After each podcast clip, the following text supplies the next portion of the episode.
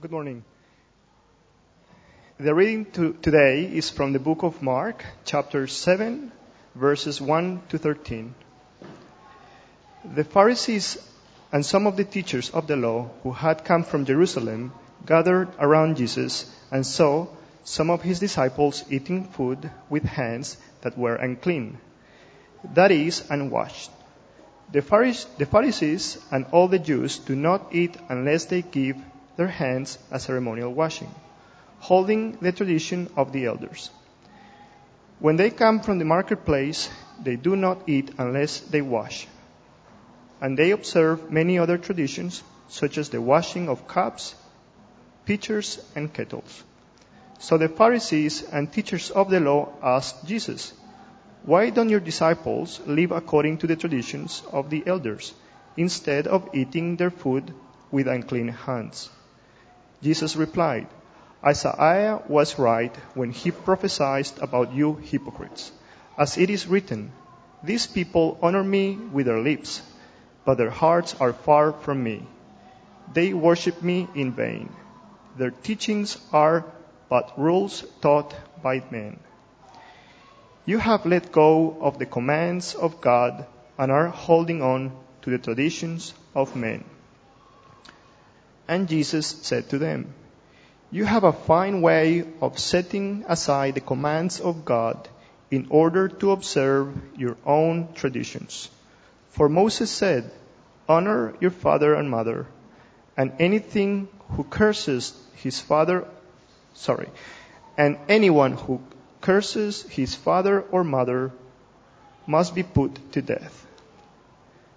But you say that if a man says to his father or mother, whatever help you might otherwise have received from me is korban, that is a gift devoted to God, then you no longer let him do anything for his father or mother. Thus, you nullify the word of God by your tradition that you have been that you have handed down and you do many things like that. That's the word of the Lord. It's great to be here. It's great uh, to bring to you the Word of God this morning. And I'm Jeff, and uh, it's great to see uh, old friends and you as well.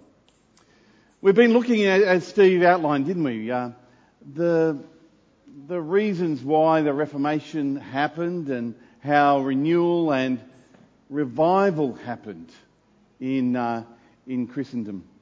And it was based on grace alone, faith alone, Christ alone, and Scripture alone. And this morning, I'm going to be looking at Scripture alone. Your word is a lamp to my feet and a light to my path. The Bible says, Your word is a lamp to my feet and a light to my path. God speaks clearly. We are, we are so blessed. Some time ago, my wife Kim uh, had laryngitis and she lost her voice for a day, or could only speak just a little bit of a whisper for a day. And um, imagine a wife who couldn't speak a word. Wow. Uh, by the way, I've, the last 10 years, I've been in a home of women, and I think I speak about this much, but in my home, they speak about this much. Okay. Can you imagine how that would have been? I, uh, whatever claim I made, Kim couldn't contradict it or whatever issue came up, I guaranteed that I had the last word, or uh, all she could respond with was a smile or a nod. And I remember thinking that day, when Kim lost her voice, it would be unbearable never to hear Kim's voice again. It would be unbearable. Now I know my wife's voice better than anyone on earth. And uh, I cannot imagine not being able to hear her voice again. Not to hear her laugh, or her talk, or her encouragements, or her to express love, or disagree, or argue or make up again. It's um, actually, that day she lost her voice, it was bearable. It was actually quite enjoyable. But it was only for one day. It, would be unbearable and tragic if she was to lose her voice and not be able to speak. Where there is love and relationship, there are words and communication. So where, where do I find God's voice? Where do I hear it? The people of the Old Testament, the Israelites, they loved to hear God speak. And especially through the Word of God, the Scriptures. And this morning we're going to be looking at what the Reformers called sola scriptura or scripture alone or, or the Bible alone as the authoritative Word of God. Now the Bible says all authority belongs to God. You see, the Bible never claims to be all authority. In fact, Jesus says, all authority in heaven and earth has been given to me. So when we talk about the authority of the scriptures, it's shorthand about talking about Jesus and his authority and his authority to speak to us. So when we say the Bible has authority, we mean the Bible is expressing the words of God, his truth. You see, the Reformation changed uh, so much 500 years ago. And when Martin Luther, 500 years ago, uh, set out, he initially he didn't mean to split the church. His purpose was to reform the church from within. And uh, on that Wittenberg church door, he nailed his 95 complaints and uh, about what was happening. And as he did that, we know from history his teachings, he was a theologian, he was a lecturer, his teachings came under attack by the Catholic Church of that day. And in, 18, uh, in 1519, Luther travelled to Leipzig and debated with a man called Johann Eck. And he was a prominent Roman Catholic apologist of the day. And as he debated with him, it was an aha moment for Martin Luther because he, he could see that the conflicts, the lines of, had been drawn up. The conflict between scripture as authority and the church and its traditions as the other authority. And uh, Eck accused Luther of espousing the teachings of, of John Huss. Now, John Huss had been condemned and been put to death a hundred years before because he was regarded as a heretic. And Luther as he reflected upon Eck's words to him, he realized that he was more like Huss. And Eck was correct in assessing him. And so Martin Luther was forced to come to the conclusion that scripture alone is the authority when it comes to God speaking. This assurance that God's has spoken directly through his Holy Scriptures gave Martin Luther and the Reformers great freshness and boldness to speak about what was true. And in Luther's time, the Roman Church had weakened the authority of Scripture by placing the traditions as having, the traditions of the church, as having the same status or authority as Scripture and then insisting not only uh, that the, the teachings of the church had same authority, but, but especially it had to come through certain mediators, through interpreters. These people were deemed to be the only ones who could bring truth, and they were the, the popes and the church councils. However, of course, we uh, we reflect upon the Reformation. The reformers brought back uh, and the, or restored biblical authority by holding that God speaks directly and authoritatively through these pages. Well, things changed dramatically in the church. Because we know that through the Holy Spirit, Scripture interprets itself. We don't need councils or popes. The Bible interprets itself. It's the Word of God. And so, you know, things like we, we look in the Old Testament about sacrifices. And we see the Bible interprets what sacrifices mean for us because we know that Jesus is the fulfillment of the sacrificial system. So the Bible interprets this. Or we, we, we think of the Sabbath and the Sabbath rest. And we see that finds its fulfillment in a relationship with the Lord Jesus. Well, the Roman Catholic Church still today considers tradition and the scriptures to be equal. In fact, in uh, 1992, the Catechism of the uh, published in the Roman Catholic Church says this: As a result, the Church to whom the transmission and interpretation of revelation is entrusted does not derive her certainty about revealed truths from the Holy Scripture alone. Both Scripture and tradition must be accepted and honoured with equal sentiment of devotion and reverence. The task of interpreting the Word of God authentically has been entrusted solely to the magisterium of the church, that is, the Pope and the bishops who are in communion with him. You see, they were interpreting the Bible and uh, made that interpretation to be followed. And we would question that.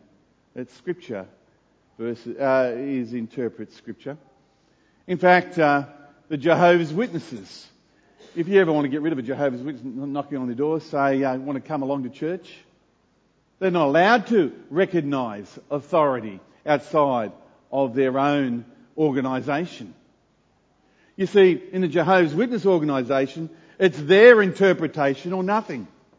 They say things like, well, you can have your own opinion or uh, interpretation, but that doesn't matter. You can be well-meaning, but it's it's the uh, the Jehovah's Witness.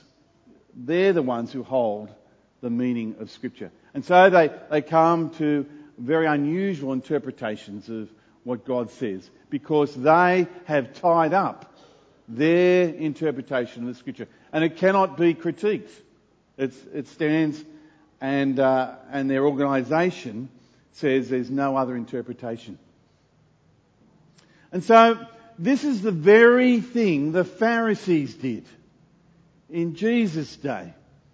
That passage that was just read to us from Camilo speaks about how the, the Pharisees brought their human traditions, brought their interpretations, and imposed it on others and themselves. And these oral traditions, not only did they interpret the scripture, that they undermined the scripture. You see, the Pharisees were invalidating the word of God by their traditions. The first tradition that Jesus mentioned in that Mark 7 passage was about cleanliness. And they made these rules about how you had to wash your hands or wash the cups and plates and utensils because in their mind, cleanliness was next to godliness. What a load of nonsense. Now, my mother taught me to wash my hands. In fact, if you remember, if you're old enough, uh, she used to say to me, wash your hands, Jeffrey, with the Solvol, Jeffrey. And I get it it's a good idea to wash your hands. It's a bit of wisdom. But it's got nothing to do with godliness. Zip.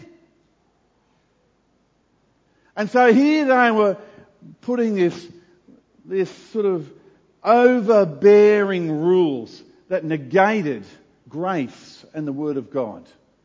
And then Jesus raised another matter in that passage that was just read to us. Because the Pharisees, they loved money. Boy, did they love money. They were rich. And so they, they came up with this, this oral tradition. Because they were cheapskates and they didn't want to spend money. And they knew that God, you know, in the fifth commandment says you've got to honour your parents. You've got to look after them, especially in their, in their old age. And they didn't want to do that. So they came up with this oral tradition, this rule. They said, look, if you make a vow to God, we'll call it korban, it says there. If you make this vow and you say you're going to give wads of money to God, that will release you from looking after your parents. And by the way, everyone knew this vow of looking after God, uh, you know, giving a huge amount of money to God. They, they weren't bound by that vow. So here they were making these vows or promises, having no intention of even fulfilling them, only so that they wouldn't be able to look after their parents. So here we have these teachers of the law with their oral traditions negating the Word of God about how we should look after our parents. Of course, we pick this up also in, you know, in James chapter 5, how we are to look after parents. But, you see, oral tradition undermined the Word of God. And so Jesus says these words to them. Thus you nullify the word of God by your tradition that you have handed down. And you do many things like that. Scripture, because it was written by God, eh, the author, it has God's authority. And we can never, ever, ever put in interpretation or rules or traditions that undermine the Word of God. For the Reformation, the authority of the Word of God was actually taken even further.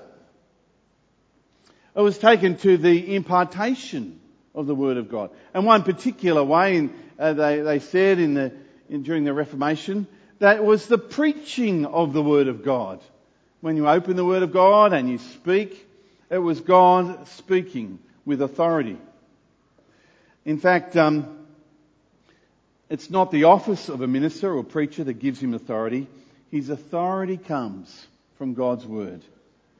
Zwingli said, if the local church minister teaches you in accordance with the word of God, it is not he that teaches you, but God who teaches him.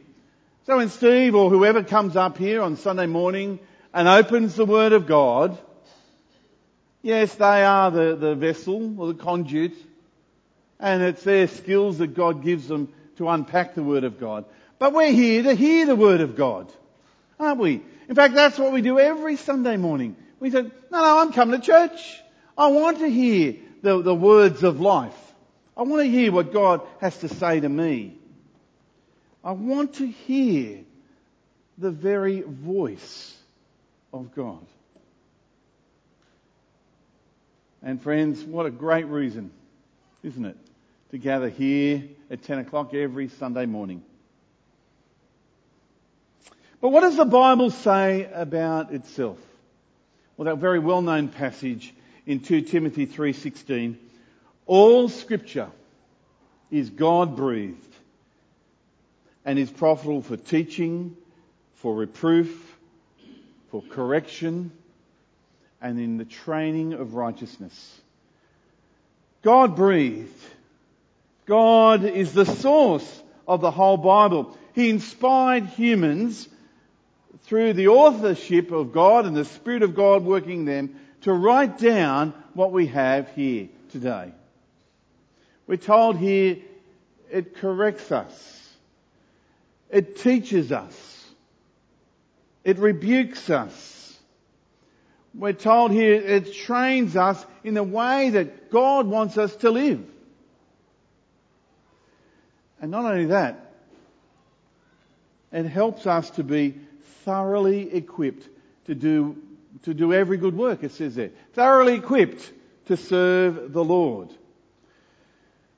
The Bible, friends, is sufficient. Sufficient for us in our Christian life. Sufficient to know God's will.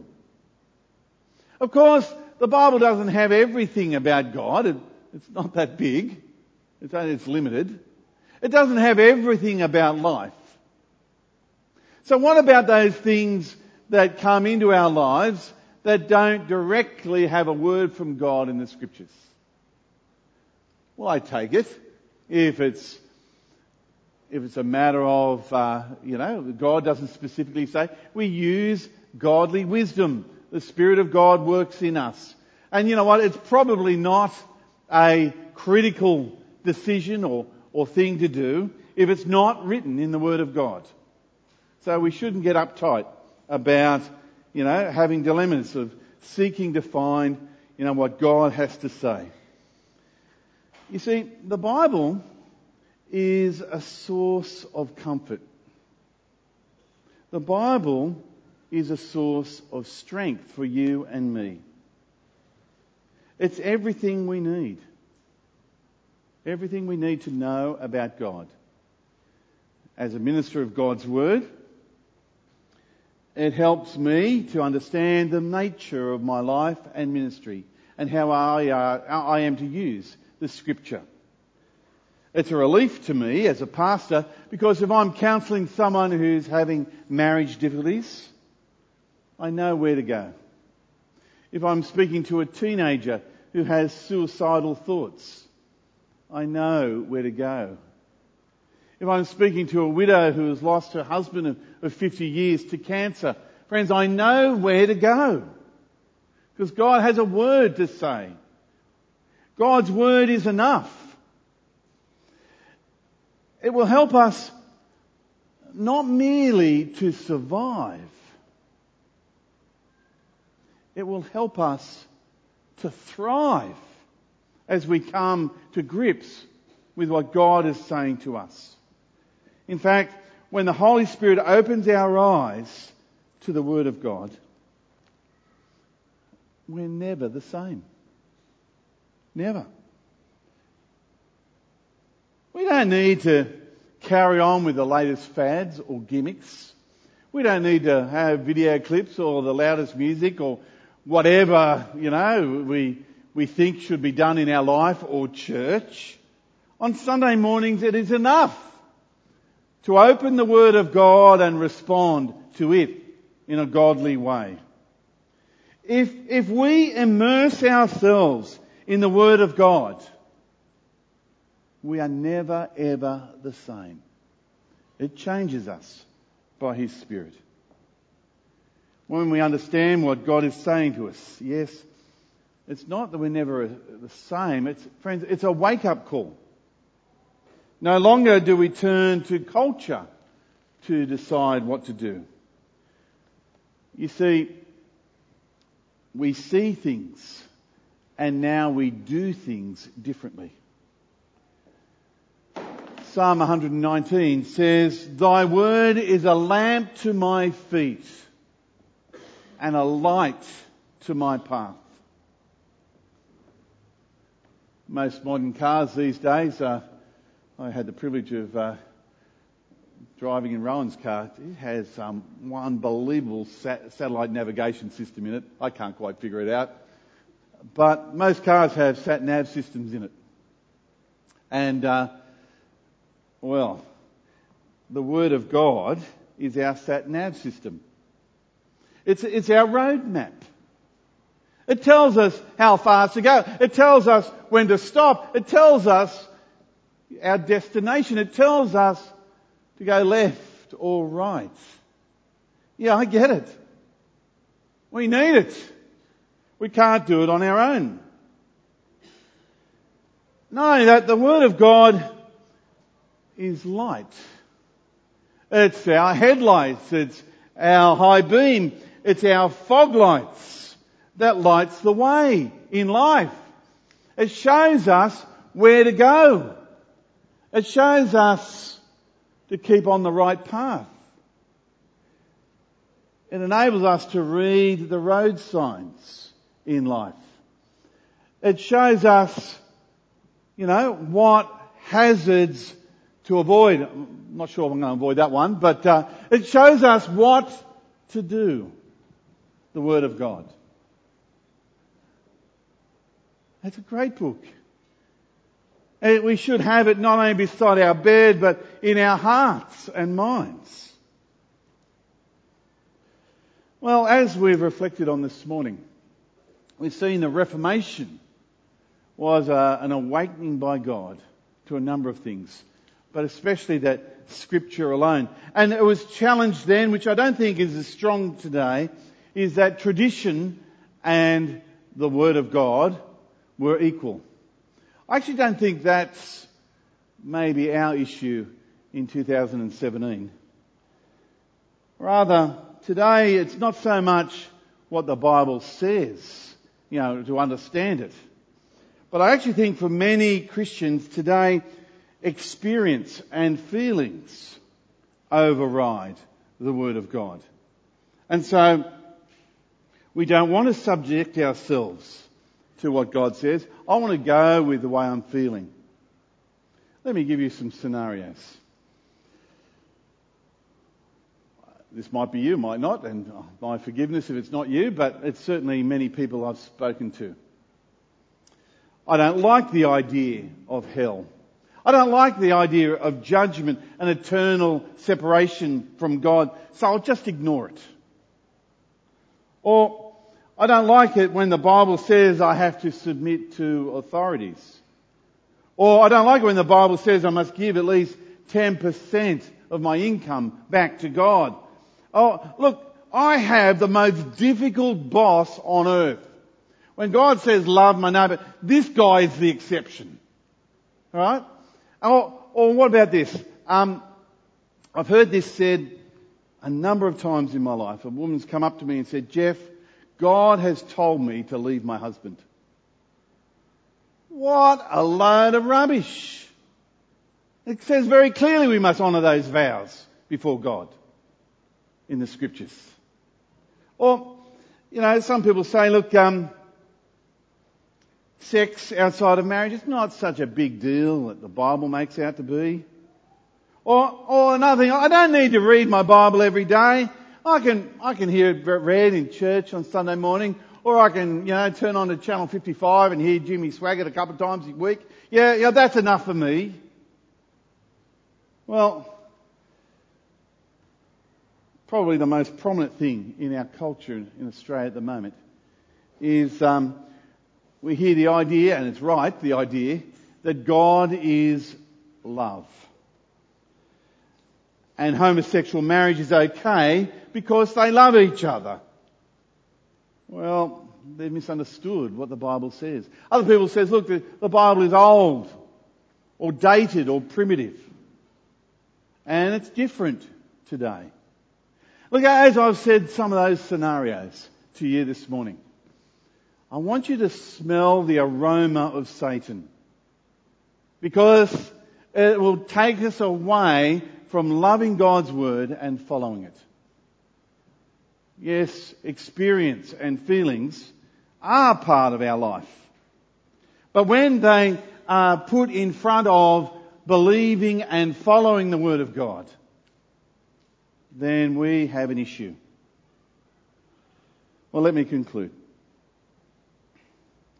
When, when the Bible says it has authority, like authority to, to teach us about God, that does not mean there are not other authorities around. There's lots of other authorities we see in our culture, in our, our lives, reason. We see science, and history and experience and psychology and anthropology and sociology. We, we, we follow leaders, authority. We have the church that, you know, as, as the people of God. We have culture. We have our governments. These are all legitimate authorities. But I just want to say they are fallible. They are fallible. We know that. Not only that, they must all submit to the infallible authority of the Word of God. This is our rule. The Bible is not just true, it's truer than anything else. It is the measure, friends, of right or wrong. It's the measure of who God is, of what we are like, and how we are to live. Friends, as followers of Jesus, as followers of Jesus, we are Bible people. Not just, you know, I like the Bible, but having the Bible part of us and shaping us. We live by God's inspired words. We do. I think I've used this illustration before. My wife makes sensational egg sandwiches. Now, she buys bread at Farnham Road shops. I think that's got to be one of the best bread shops around. And egg sandwiches. She, she learnt this. I don't know. I don't, I don't have the skill of making what she does. She makes a sandwich, an egg sandwich, taste sensational. Mmm. That's good. My mother told me not to talk while I'm eating, so I'll just keep eating. See, when, when you have something like fresh bread, you can't stop it, having it. It's so good. And, and the Bible, it's fresh bread for the soul. You know, we, once we, we take on its goodness, we say, this is fantastic, and we want to have more. We want to have more. And so why wouldn't we want to be fed well each day? And not go on what culture says, but what God speaks directly to us. The Word of God is food to us. And friends, it sustains us in life. It is so good to have the scriptures available to us. Now, we can have the Bible, you know, we can read it. We can see it in video or download it online or we can have it recorded and listen to it in the car as we go to work. There's lots of ways we can get the Word of God into us. But my friends this morning, let me say it's authoritative. Let's not just be people who say, yeah, it is authoritative, but do nothing about it. Let's live and breathe it. In fact, the psalmist says in Psalm 34, let us taste and see. How do we taste and see? We hear what God says in His Word. We have that fresh sandwich. We taste and see that the Lord is good. And it says in the other half of that verse, blessed is he who trusts in him. So if we want to know about God and trust in him, may we be people of his word and prayer. Let me pray. Heavenly Father, we thank you that you've shown yourself in your Son, the Lord Jesus. We thank you that we can read about Jesus freely in your word at any time of day or week. And as followers of you, may we listen to your words and follow them closely. May we always love you and your words, and may they bring life to our souls. May your, may your word always be a lamp to our feet and a light to our path. And Lord God, Help us to be diligent students of your word. And we pray this in Jesus' name. Amen.